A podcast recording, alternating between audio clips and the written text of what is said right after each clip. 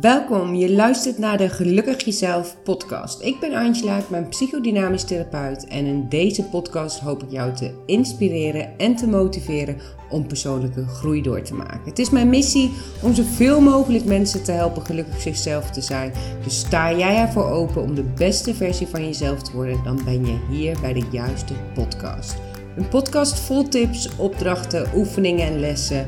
En ook op mijn Instagram, Gelukkig Jezelf, deel ik dagelijks gratis tips en opdrachten. En in deze podcast ga ik er nog iets dieper op in. Ik hoop dat je er iets aan hebt. Tof dat je luistert. En daar zijn we alweer bij aflevering 4 van de Gelukkig Jezelf podcast. En toen ik uh, met de podcast begon, dacht, dacht ik eigenlijk, nou, ik zie wel hoe het gaat. En inmiddels zijn er zoveel luisteraars die elke twee weken trouw naar mijn podcast luisteren. Echt ontzettend bedankt hiervoor. En ook heel erg fijn als je deze podcast deelt op social media of waar dan ook. Dan uh, kan ik nog meer mensen helpen. En dat is natuurlijk ook mijn missie. Um, vandaag ga ik het hebben over innerlijke kinderen. En ik kan me zo voorstellen, als je hier nog nooit iets van hebt gehoord, dat je denkt: waar heb je het over? Uh, en ik kan me ook voorstellen dat je denkt, dit is mij iets te zweverig of dat het zweverig voor je klinkt. Nou, ik ga dit meteen bij je wegnemen. Uh, het is echt totaal niet zweverig, al vind ik helemaal dat er niets mis is met zweverig. En wat is dat dan eigenlijk? Dat is ook maar slechts jouw gedachte. Uh, maar ik denk dat vandaag je juist met beide benen, met beide voeten op de grond kan zetten als je meer weet over jouw innerlijke kinderen. En een uh, innerlijk kind. Ik uh, ga je eerst even proberen uit te leggen wat we daar nou precies mee bedoelen. Allereerst, we hebben allemaal een innerlijk kind, meerdere innerlijke kinderen in ons. En ik leg het in uh, één op één sessies in mijn praktijk vaak uit als een soort, ja zeg maar, bestandje dat is opgeslagen in jouw onbewust. Alles wat we meemaken in ons leven wordt opgeslagen in ons. De leuke en de niet leuke dingen, de heftige en de niet heftige dingen. En als je klein bent en je maakt iets mee, uh, reageer je daar op een bepaalde manier op. Bijvoorbeeld als je ouders um, heel veel ruzie hebben als je klein bent, dan kan het zijn dat jij als kind hierop reageert door je juist heel erg terug te trekken of juist heel erg de clown uit te hangen of aandacht te trekken. En gedurende je hele leven ga je dit dan op meerdere situaties toepassen. Eigenlijk een beetje vergelijkbaar met de overlevingsstrategie waar ik het in een eerdere aflevering over had. En dit doe je omdat je merkt als kind, of hebt gemerkt als kind, dat dit je ook helpt. En dat is een stukje um, van ons innerlijk kind. Dus we, we bewegen, we doen, we reageren op een bepaalde manier omdat we ooit in ons leven hebben gevoeld dat dat een goede manier is om uh, met iets om te gaan. Terwijl we eigenlijk misschien ergens anders behoefte aan hadden. Maar daar kom ik zo nog even op terug. En als kind ga je ook door verschillende situaties vaak ergens in geloven. Bijvoorbeeld geloven dat je niet goed genoeg bent, of dat je het niet goed doet, of dat je niet belangrijk bent. Of misschien wel, het is allemaal mijn schuld.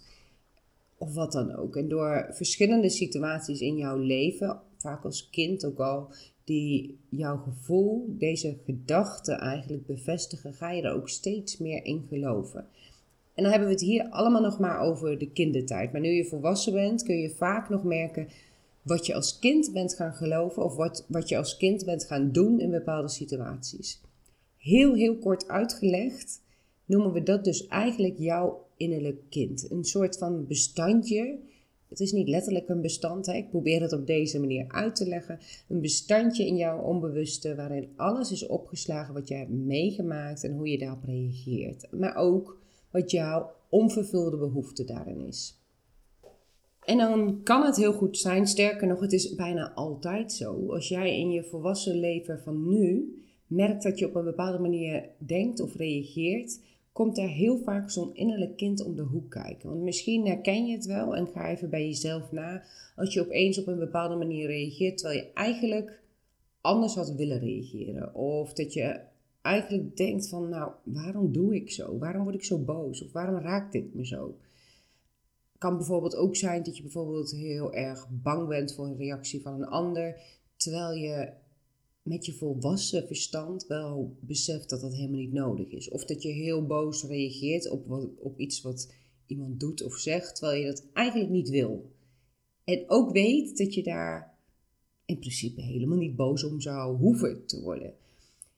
Je kunt het dus zo bekijken, op zo'n moment, op zo'n moment wordt jouw innerlijk kind geraakt en reageer je dus ook vanuit dat innerlijk kind.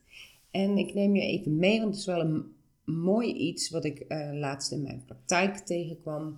Er kwam een kindje en ehm, die vertelde over een ruzie tussen twee volwassenen. En daarin eh, werd iets gegooid, een, label of iets. Er werd iets gegooid. En daar was hij eigenlijk helemaal overstuur van.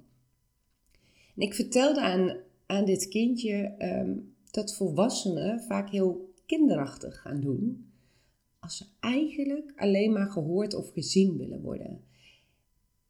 En toen ik dat aan hem uitlegde, dat volwassenen eigenlijk een beetje kinderen worden als ze ruzie hebben, omdat ze eigenlijk reageren op een manier hoe volwassenen nooit zouden doen, maar kinderen misschien wel, snapte hij het veel meer. Dus ik legde hem uit dat volwassen, volwassenen geraakt werden in een innerlijk kind en ook vanuit daar reageerden op elkaar. En misschien herken je dat nu je zelf of nu je luistert zelf ook wel, dat je soms misschien wat kinderachtig kan reageren. Daar is helemaal niks mis mee, want dat komt gewoon jouw innerlijk kind tevoorschijn.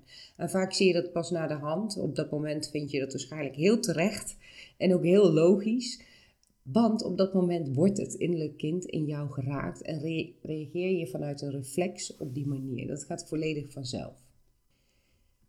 Is daar dan niets aan te doen? Kun je een innerlijk kind dan niet helpen of helen? Kun je het verleden niet verwerken? Oh ja, zeker wel. Zeer zeker is dat mogelijk. Ik heb echt zoveel mensen hier al mee geholpen. Sterker nog, ik doe bijna niets anders in één op één sessies in mijn praktijk en het werkt echt prachtig.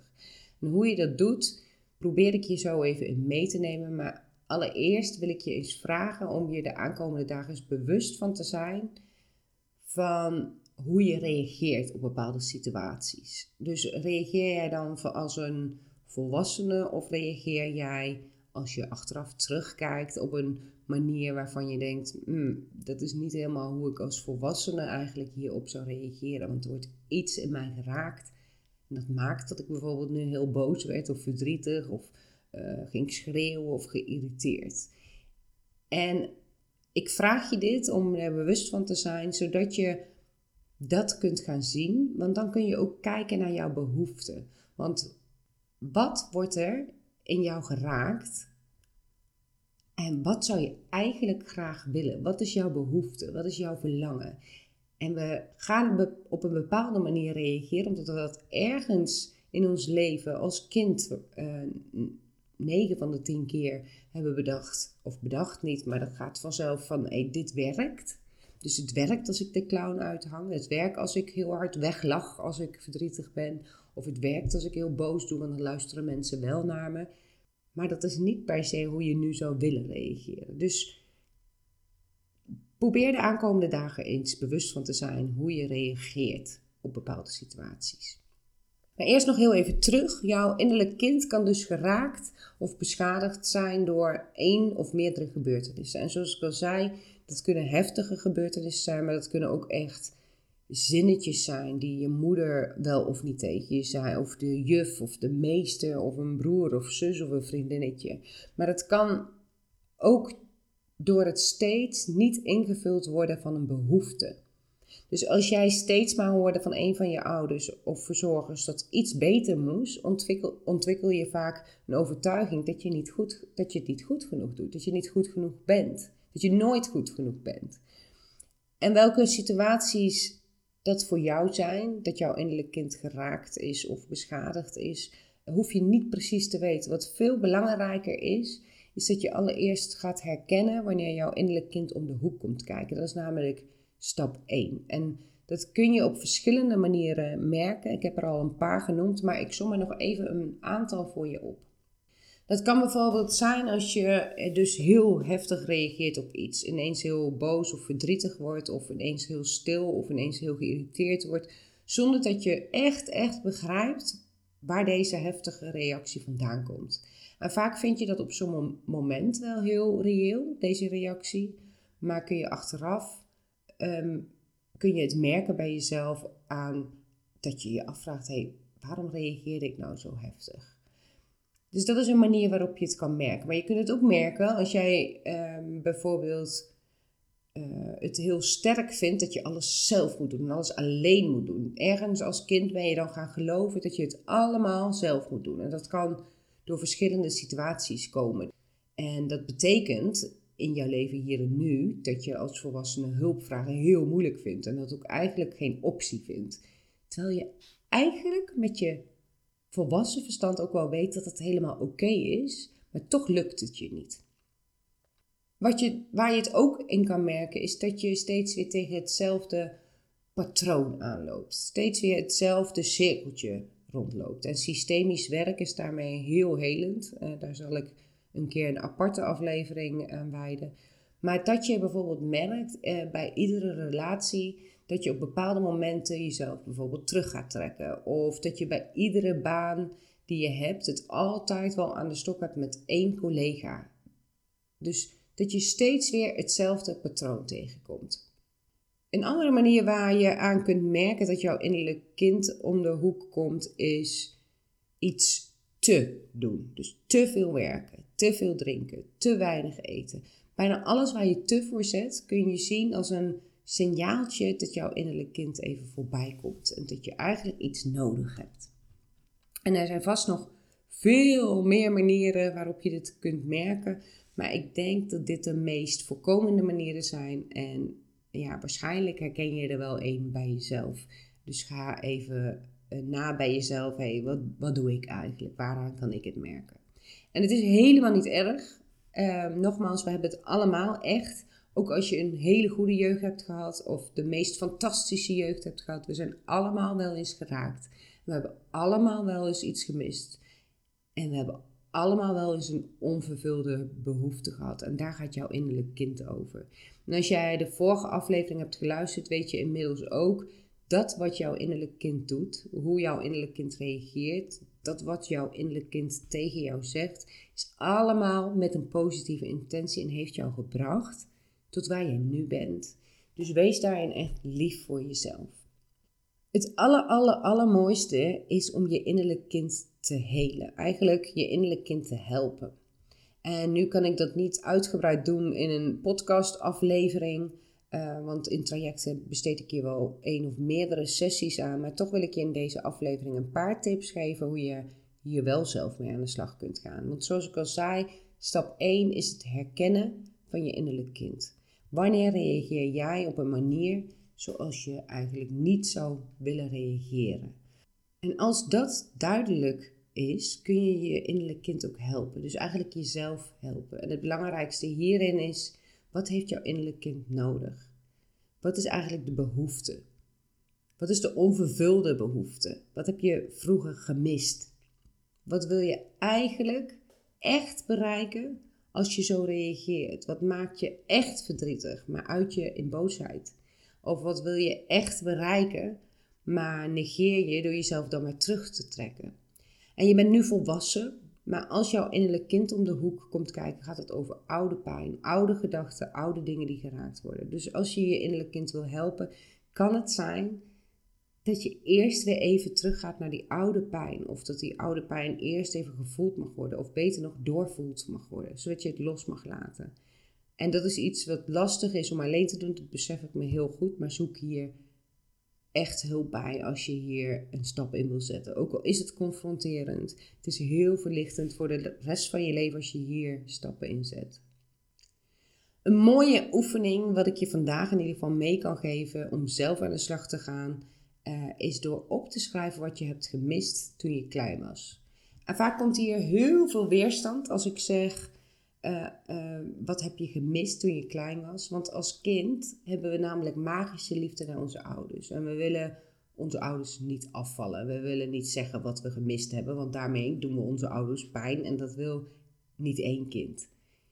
Maar om jezelf te helpen is het heel helend om op te schrijven wat je gemist hebt. En bij het opschrijven kunnen er allerlei emoties bij komen en geef dat alsjeblieft gewoon ruimte.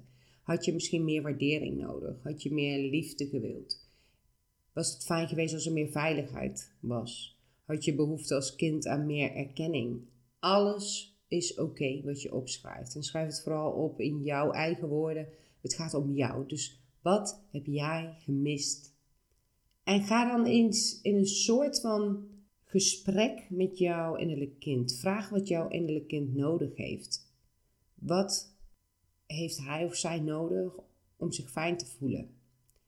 Wat heeft hij of zij nodig om zich niet meer angstig, maar vrij te voelen? Dus wat is echt de behoefte? Op die manier kun je dus ook achter behoefte komen. En heb je de tijd een zin in, heb je de tijd voor en zin in, schrijf dat ook eens op. En echt mijn advies aan jou, doe dit echt. Schrijf het echt allemaal op en neem er ook de tijd voor. Ehm, ik merk nu trouwens steeds vaker dat ik tijdens de aflevering een soort mini-cursusjes aan het geven ben. Dus ik ben ook benieuwd of je uh, ook echt meedoet. Laat me dat vooral even weten. En vind je het interessant, check vooral mijn website, want meerdere keren per jaar start ik mooie cursussen met allerlei van dit soort opdrachten uh, om te groeien. Maar goed, even een uitstapje.